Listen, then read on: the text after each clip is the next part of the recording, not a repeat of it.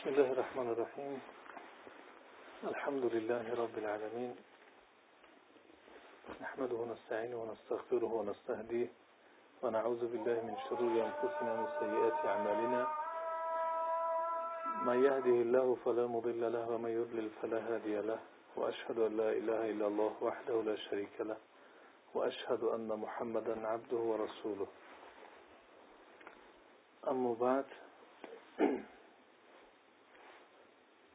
سوره که می‌خواهیم اطرافی و امروز چند لحظه با هم صحبت کنیم و خدا رو شکر میگیم اولا که ما رو این فرصت رو نصیب گردوند.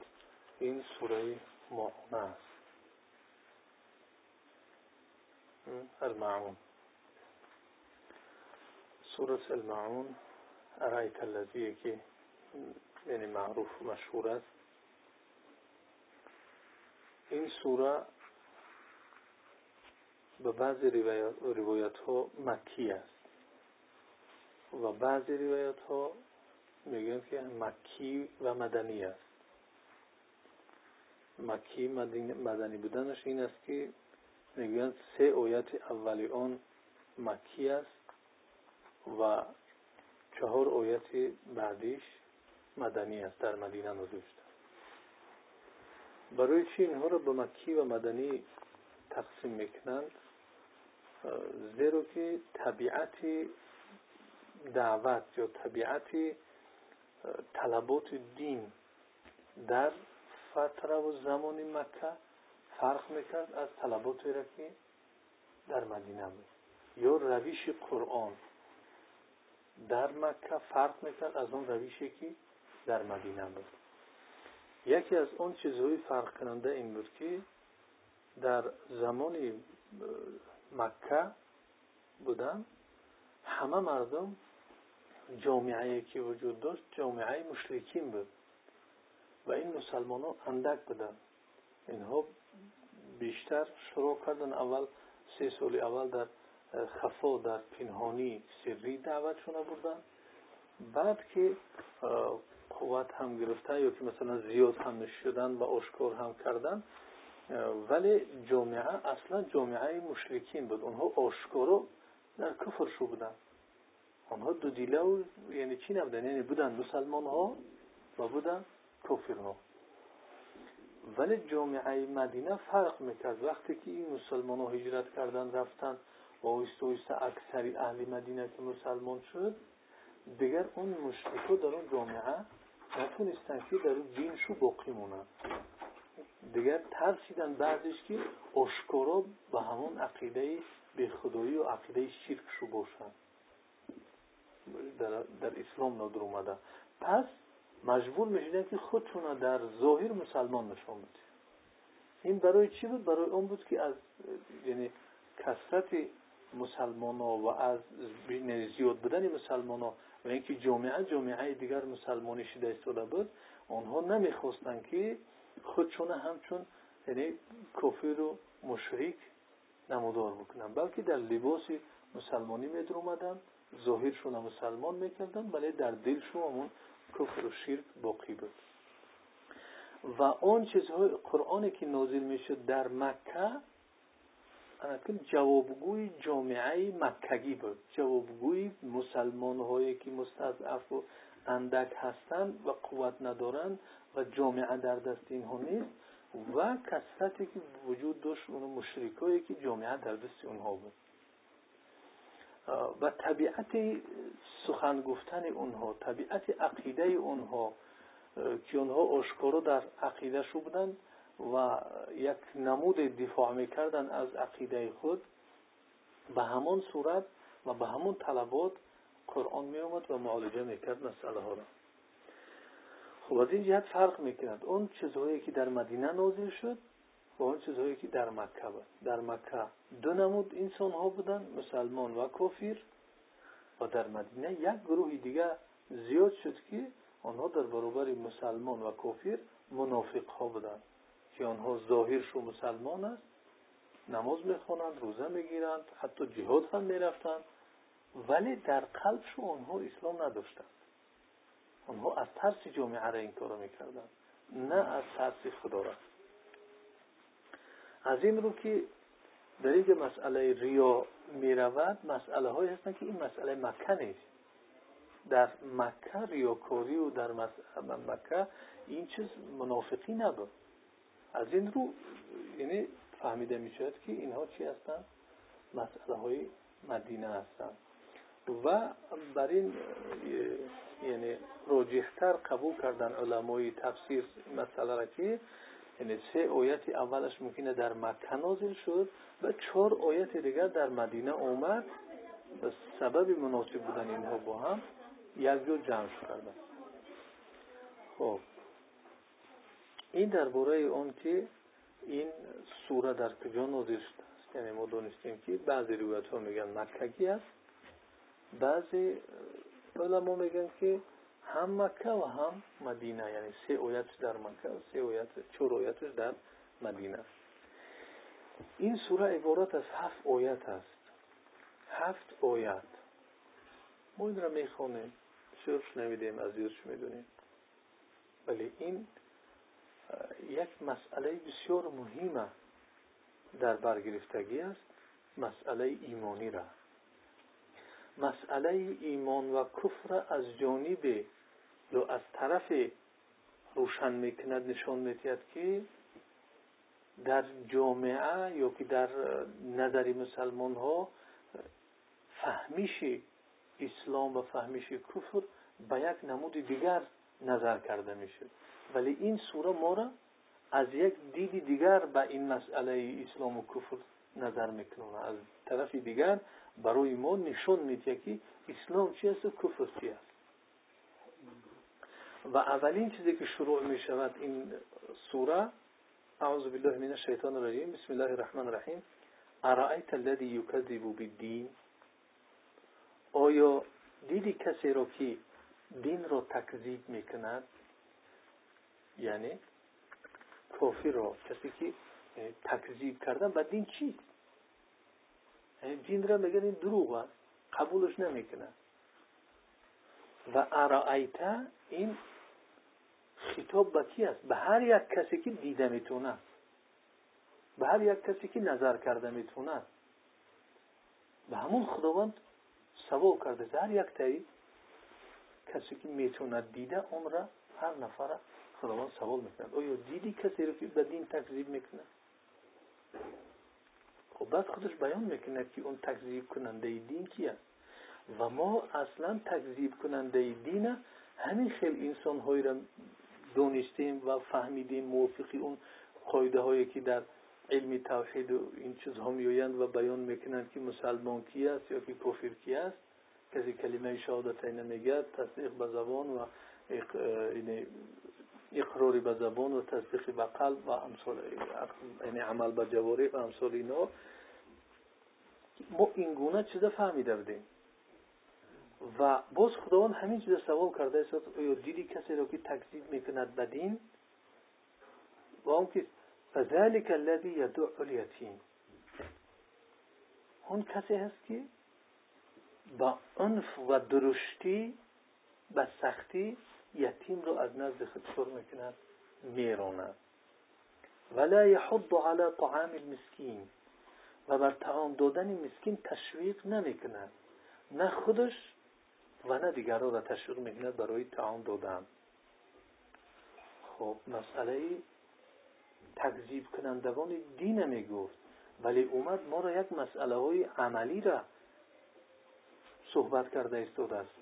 مسئله چی است؟ مسئله مناسبت با یتیم و مناسبت با اطعام یعنی تعام دادن بینوا. خب از اینجا معلوم می شود که از اینجا معلوم می شود که این چیزها در دایره ایمان ندروید از اینجا معلوم می شود که انسانی که ایمان در حقیقت در قلبی او درومدگی هست از او این رفتارها سر نمی‌زند چی رفتار است؟ دعوا می‌کنه که ما مسلمان هستیم. الحمد کلمه شهادت گفت خب نماز و روزه و حج و زکات و همه را دارد.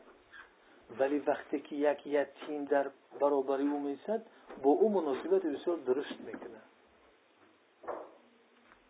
در جامعه ما این چیز احساس می‌کنیم. همه مسلمان هستند. وقتی که یک نفر یتیم میماند بابای او چه مناسبت می‌کند با او. امکی او چه مناسبت می‌کند با او. خانه و دری او چی می‌شود؟ اون میراثی که از پدر داره او میماند او می‌شود؟ هر یک تمام این چیزا مشاهده کردیم یا شنویدیم که بعد وقت مناسبت های بسیار ناخوب نسبت یتیم ها کرده میشه. اگر او ایمان در قلب او جا گرفته باشد او انسان یتیمه و این صورت مناسبت نمی‌کنه ولا یحض على طعام المسکین. اینقدر مسکین بینوا وجود دارد در جامعه نه خودش مسکین ها را تعام میتید و نه تشویق می‌کند کسانی که دارو هستند ثروتمند هستند اونها رو تشویق نمی‌کند که خیر صدقات بکنید به مسکین ها و بینواها شما تعام بتید اونها را دستگیری بکنید. خداوند این چیز برای شما داده است تا اینکه شما اونها رو سرپرستی بکنید. تا اینکه از طریق این مالی که خدا به شما داده است شما اثبات بکنید که در حقیقت ایماندار هستید. این چیز انسان یک چیزی عادی میشمارید مناسبت کردن با یتیم و اطعام مسکین. ببینید برای انسان حیران می شود که نخود این چیزها در دایره مسئله ایمانی بدروید ولی خداوند این چیزا در میزان اون چیز فقهی که عقیدویی که ما می‌دونیم اون میزان این چیزایی که ما اون را نظر کرده شدیم. ولی در میزان خداوندی ببینید که این چیزها در دایره ایمانیات میدرویند أرأيت الذي يكذب بالدين فذلك الذي يدع اليتيم ولا يحض على طعام المسكين دیدی کسی را که تکذیب می‌کند به دین اون کسی که یتیم را به درشتی از پیش خود میراند و درشتی با او مناسبت می‌کند. سخت مناسبتی بسیار سخت می‌کند با اوقتی او اگر ایمان باشد پس موافق آید. او با یتیم خیلی مناسبت نمی‌کند. می‌بینی زمینش گرفتن می‌بینی خانهش گرفتن می‌بینی ماشینی پدرش گرفتن. های این بچه من بود به بچه دیگریش میتیاش ها بچه من بود به بچه دیگریش و خونه را میتیا و زمینه میتیا پدرشون باباشون مثلا. این مسئله ایمانی در میدروید ببینید که این دین دینی نبود است که دین یک چیز ظاهری باشد. ها نماز می‌خونیم می‌خونیم کلمه را گفتی گفتم. مسلمان هستم الحمدلله روزه می‌گیریم. خب حج بریم زکات می‌کنیم. دین دینی هست که باید از صمیم قلب در انسان باشه. وجود انسان باید که در این دین باشه. وقتی اگر ایمان در قلب انسان تأثیر کرد در عمل او ظاهر می شود. در مناسبت رفتار او ظاهر می شود. و ببینید که اگر ایمان انسان درست باشد جامعه خیر. از دست این انسان مسلمان پیش می رود. آیا ای وقتی که ایمانش قوی شد و ترورش دعوت می‌کنه همین یتیم مناسبت خوب کردن چی است تروریست است تروریسم است جامعه را خراب کردن است یا که آبود کردن است اطعام مسکین یعنی مسکین ها و بینواها و نادارها را تعام دادن یا اینکه تشویق کردن مردم که ای مردم دارو شما همون نادارها را دستگیری بکنید اونها را تعام بتید این چی است؟ آبادی است یا خرابکاری؟ این خیل ایمان خداوند قبول می‌کنه. و این خیل ایمان از بنده قبول داره. ایمان را که اون عمل داشته باشد ایمان را که اون این گونه این نمونه های هستند از او ایمانی او. ایمان آوردن و عملی چی؟ شایسته می‌کنن و یک تنها به زبان گفتن این انسان چی؟ خداوند خیلی قبول نمی‌کنه یا اینکه این دین دینی نیست که مثلا یک جزئی او را بگیری عمل بکنی یک جزئی دیگه شنی. کردن کردن طرفش بخوی خب اینم یک قسمش می‌گیری عمل می‌کنی و یک قسم دیگر شنی. این خیلی دین نیست. دینی هست که اون متکامل است. عبادتهاش خب مناسبت و معاملش اخلاق همش یک جایه به یک طرف روانه شده بیاد همه اینها برای خیری بشریت است. خداوند از پشت این چیزها برای خودش یکم منفعت را نمی‌خواهد وقتی که ما همه ایمان دار باشیم وقتی که ما همه عملی شایسته بکنیم وقتی که ما همه اخلاق خوب داشته باشیم خداوند از این استفاده نمی‌کنه. خداوند بینیاز از غنی است اگر همه خیلی اون حدیث میگه که تقوادارترین شخصی که هست در دنیا همه تو مثلی همو اگر تقوادار باشد برای خداوند یکون منفعتی نیست. و اگر خیلی که یک کس کفرترین شخص است همه عالم به همون شکل کفرترین دلقتی همه کفر باشن هم برای خداوند یکون ضرر نمی‌تونن رسنده ولی خداوند آن چیزی که می‌خواهد در مسئله ایمانداری و این مسئله که ایمان کامل با همه عبادت ها و عمل ها و مناسبت ها و اخلاق خطی عقیده و اخلاق و عبادت ها خطی همشون برای خیر بشریت هست. برای خیر انسان ها هست. این مدنیت ها ببین که 1400 چند سال پیش مناسبت با یتیم میگه که اگر ایمان داشته باشی مناسبت با یتیمت باید در اساس قرآن در اساس این ایمان باشد که با درشتی با اون مناسبت نکن وقتی که یتیم اومد خب یتیم دیگه او پدر ندارد. درست است که اون که گرسنه است. به لباس است محتاج است چی می‌بینی که بچه کار می‌کنه؟ از ترسی اونه که در برابر فرزندای من می‌خرد مناسبت درست می‌کند. یا که مال او را گرفتد میترسه که مالش قبول نکند طلب نکند با اون مناسبت نادرست می‌کند قدش اینجا میگه اگر ایمان داشته باشی این مناسبت نادرست ولی اگر به خدا ایمان نداشته باشی ارائیت الذی یکذب بالدین باشید خب دیگر این جد معلوم شد با وجود نماز خواندن روزه گرفتن حج زکات و اینها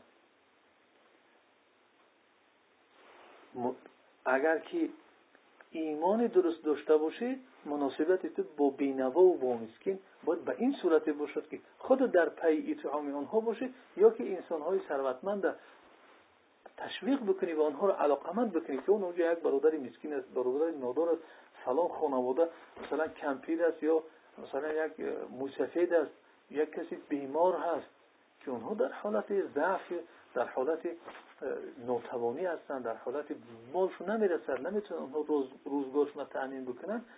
برادر عزیز دستگیری بکنه این است مسئله ایمانداری این است دین طبیعت این دین. اون خیری را که این دین برای بشریت در وجودش داره حقیقت این دین این این است. حقیقت این دین فقط یک مسجد رفتن آمدن و یک نماز خواندن و روزه گرفتن نیست. حقیقت دین در دنیا خیر و برکات جاری کردن است.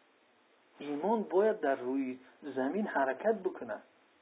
ایمان اونی نیست که فقط در مسجد باشد یرحمک الله فقط در حالت قرآن خواندن و نفهمیم که قرآن چی میگه. یک سوره الذی را میای می‌بینی؟ یک سوره که عبارت از هفت آیت است و این قرآن ما عبارت از شش, شش هزار و چند آیت است. شش هزار و چند آیت است. اینا همش همین خیلی تعلیمات دارد. که همش برای خیری بشریت است طبیعت دینی ما همین خیلی است. شخصی ایماندار شخص جدی است. شخص واقعی است. شخصی ایتری دو طرفه نیست. که ولی میارد نماز گذاره یک مثال می‌زند. فویل للمسلین پس وای بر نمازگزاران وای به معنای وادیه یا حلاک بر آنها دعا می‌کند برای آنها. که حلاک بشن این گونه نمازگزاران. یا وادی در جهنم برای این گونه نمازگزاران. کدام نمازگزاران؟ الذين هم عن صلاتهم ساهون. اون نمازگزاری که از نماز خود غافل است. نماز می‌خواند دعوا می‌کند که ایمان دارم.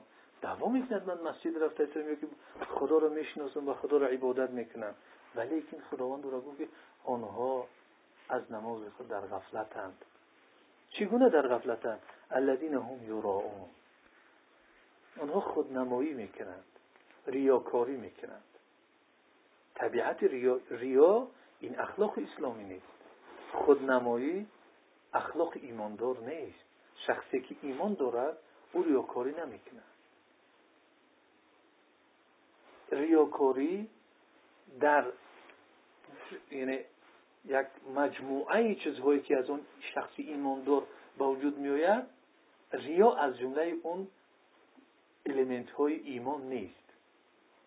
بلکه الیمنت است که زیدی مثل همون چیزهایی که میگن ویروس هست یک بیماری هست که اون ویروس می‌زند همه ایمان رو ویران می‌کند. این ویران کننده از بین برنده ایمان است. الذین هم یراؤون بعد چکار می‌کنن؟ و یمنعون الماعون. خیر منع می‌کنن با اون یاری هم دیگر. عاریت دادنی به همسایه مثلا میگه پیولات همسایه میبخشی من مهمان دارم. یک کمتر نمک در کار کمتر یک گوگیر در کار یک بالشت ها در کارن خب تلویزیون یک زمان در کاره منع می‌کنه نمیتید به همسایه. مهمان دارم گرم کنه که یک زمان در کار. است یا که یک کودک خور دارم بسیار مهمان یا مهمان اومده است یک کودک خور دارد. یک زمان برادر همین گرم کنک اگر می‌دادی شما فرزنداتون هم نیستن. تو آدم کلون حاضر برفتگی هم فرزندو در دیگر جا. یعنی ببینید که اسلام چگونه دین است. و اون کسانی که مسئله ایمانی قطعی صحبت کرد این گونه چیزها قطعی علاقه مندی داد ایمان است. مثلا خب چیزایی که حاضر فقط میبین در بسیار یعنی جایهان در مسئله ایمانی و عقیده صحبت می‌کنن ولی اون چیزهای تنها نظریوی را فقط در خاطر می‌گیرن و می‌خواهند که تو با اونها جواب بدی. ولی بگردی ببینی که در اصل حقیقت ایمانی اونها چقدر نصیب دارن گاه انسان خیلی ضعیف است نصیبش است این دین برادری هست دین محبت است دین دوستداری هم دیگر است. در کجاست نصیب برادری و محبت همدیگری در این ایمان ما؟ وقتی که یک برادر به یک مثلا حدیثی عمل می‌کند یک برادر با یک حدیثی دیگر محبت از بین کنده میشه. کجاست اون؟ در حالی که اونم می‌خواهد که حدیث قطع عمل کرده است اینم به حدیث قطع هر چه رضایی خدا را می‌خواهند.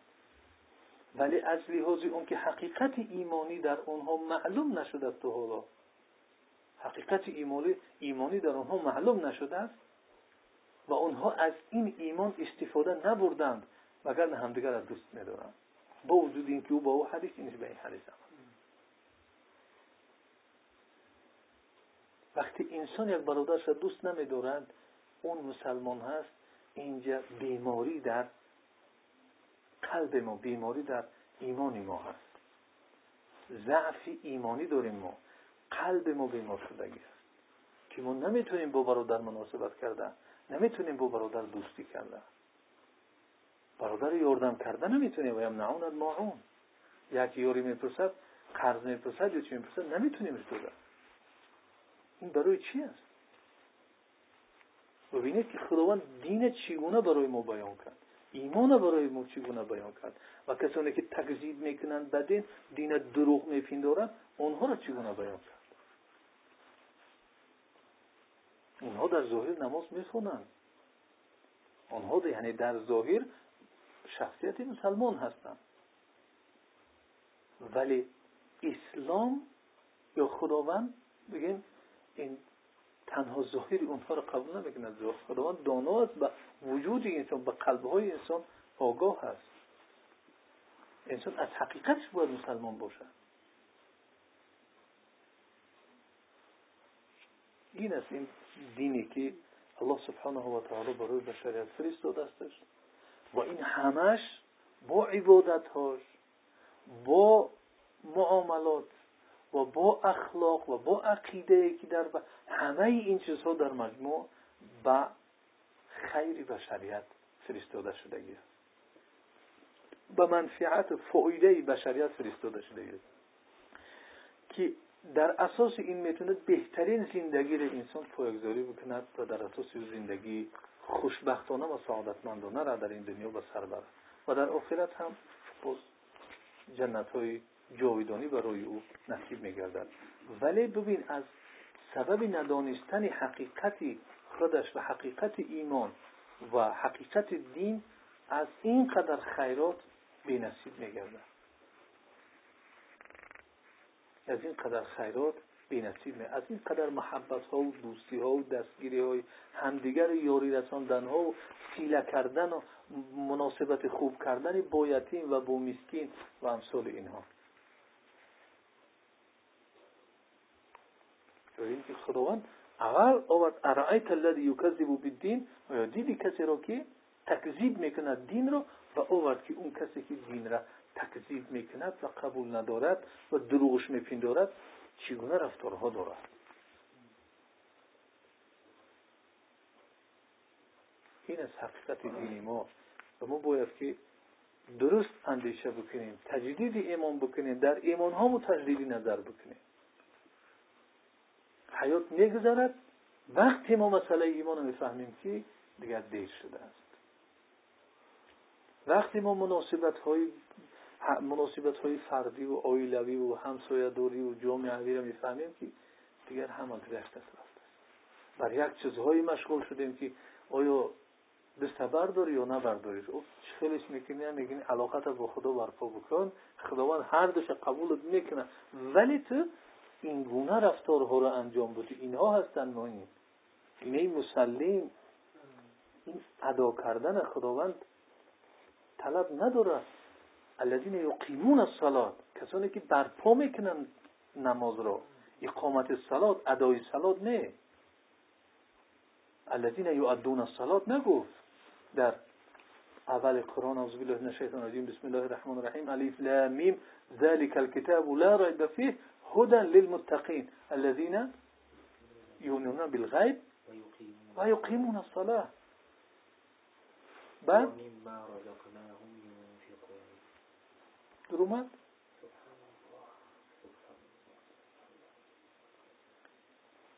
الف لامیم این کتابی است که در آن شک و شبهه نیست علاقمندی اینها را ببینید بعضی کتاب ها بابی مقدمه بابی اول بابی دویم بابی سوم باب تقسیم به فصل ها فصل تقسیم به مبحث ها مبحث با چیا؟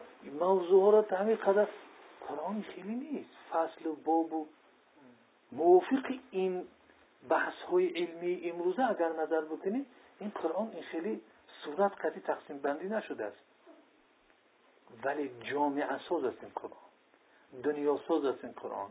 با وجود اینکه اون خیلی تقسیم بندیه که باب و فصل مبحث رو بگیم دیگر و دیگر چیزا قطعی تقسیم میشه تقسیم نشده است. ولی ببینید که این کتاب است که در اون شک نیست هدایت است برای متقیان کدام متقیان؟ آنانی که ایمانی به غیب دارند یکی مسئله باید که از لحاظ ایمانی آنها برخوردار باشند عقیده. ایمانی به غیب دارند و نماز رو یقیمون الصلاه عبادت دارند اثر اون ایمان. عبادت و اثر عبادت و مما رزقناهم ينفقون. از آن چیزی که دادیم شو از آن چیزی که دادیم شو ينفقون. نفقه می‌کنن. و مما رزقناهم ينفقون. این رو گرفت در جزئی در جزئی. اون شخصیت هایی که کتاب برای آنها هدایت هست. یکی از سه خصلت اساسی را در آنها گرفت. اونجا با یک خصلت دیگر هم میاد. خب یکی اینکه آنها ایمانی به غیب دارن نادیده الله سبحانه و تعالی را ایمان دارن. نادیده روز قیامت با او باور دارن. جنت و دوزخ اینها را باور دارن. خب اینها چیزهای غیبی هستند. قبر عذاب قبر یا نعیم نعمت قبر اینها را ایمان دارند سوال منکر و نکیر و امثال اینها را ایمان دارند و این چنین این یعنی ایمانی به غیب در انسان ها وجود داشته باشد. و دیگر صفت اینکه آنها نماز را بر پای می دارند یقیمون گفت نگفت ادون الصلاه ادا کردن همه شرایط قطع ادام ولی نمی‌فهمد که این چی است. اگر رایت الذی را که خون در نمازش بدوند که چی میگه اون زندگیش دیگه خیلی است. ولی وقتی که نمی اقامه سلات نداره ادای سلات داره میخونش ولی بعد همین نماز برآمدنش مناسبتش با یتیم مخالف این خوندگیش است مناسبتش با مسکین مخالف این خوندگیش است و یقیمون الصلاه و من ما رزقناهم ينفقون از آن چیزی که ما بر آنها ریسک داده نفقه می‌کنن. اینجا مسئله چی را گفت؟ فواید للمصلین مسئله نماز که ادای آن رنی بلکه اقامت او لازم است. و این چی؟ و یمنعون الماعون. اون مسئله چی است یا که ولا یحض على طعام المسکین. هر ده این هم درن در مسئله و من ما رزقناهم ينفقون.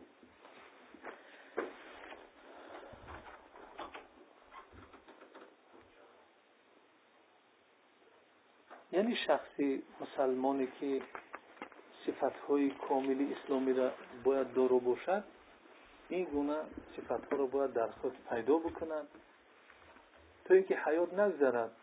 و خیلی بودیم یک صفت شد دارد یک صفت دیگرش نیست دو صفت شد دارد یک صفت دیگرش نیست بلکه مسلمان اگر ببینیم که مسلمان ها در حقیقت دارای عقیده درست هستند دارای عبادت هستند و دارای عمل هستند دست به خیر و اینگونه در جامعه کوشش می‌کنند که خیرات بین مردم تقسیم شود تنها دارنده ها نخرم بگردن بلکه او بین ها هم علاقمند می‌کنی برادر این کلای خود. برادر اون کس کلای خود. صد برادر نگاه خدا دی برادر نگاه کن همین خیلی چکار می‌کنند این انسان مسلمان. دایم در فکری جامعهش هست در عبودی است لا يؤمن من بات شبعان و جاره جایا كما قال رسول صلی الله علیه وسلم. صاحب ایمان نمی باشد کسی که خودش شکمی سیر کرده خوب میره همسایش گرسنه خداوند همه ما و شما رو موفق بگرداند. تو اینکه حقیقت دین درک بکنیم بفهمیم و خود رو بسازیم. خود رو بسازیم. اگر ما تونستیم سخت خودمون بر اون طلباتی را که خداوند دارد در شخصیت های ایمان دار الله که سعادت دنیا و آخرت رو هم خودمون در میابیم و هم الله که سبب میشیم که دیگر انسان ها هم سعادتمند در دنیا و آخرت شد سبب می‌شویم این دین همین خیلی است. این دین نمی‌گذارد که یک فرد خودش تنها سعادتمند باشد و دیگران نباشند این دین طبیعت این است که راه سعادت یافتی با دیگران با هم. اهدین الصراط المستقیم. اهدینی اهدین الصراط. ما را هممون هدایت بده. به سوی راه راست. گرچه خود تنها نماز می‌گذاری. خداوند در این چیز را موفق بجرمانات وآخر دعوانا الحمد لله رب العالمين. بارك الله فيكم. سيدي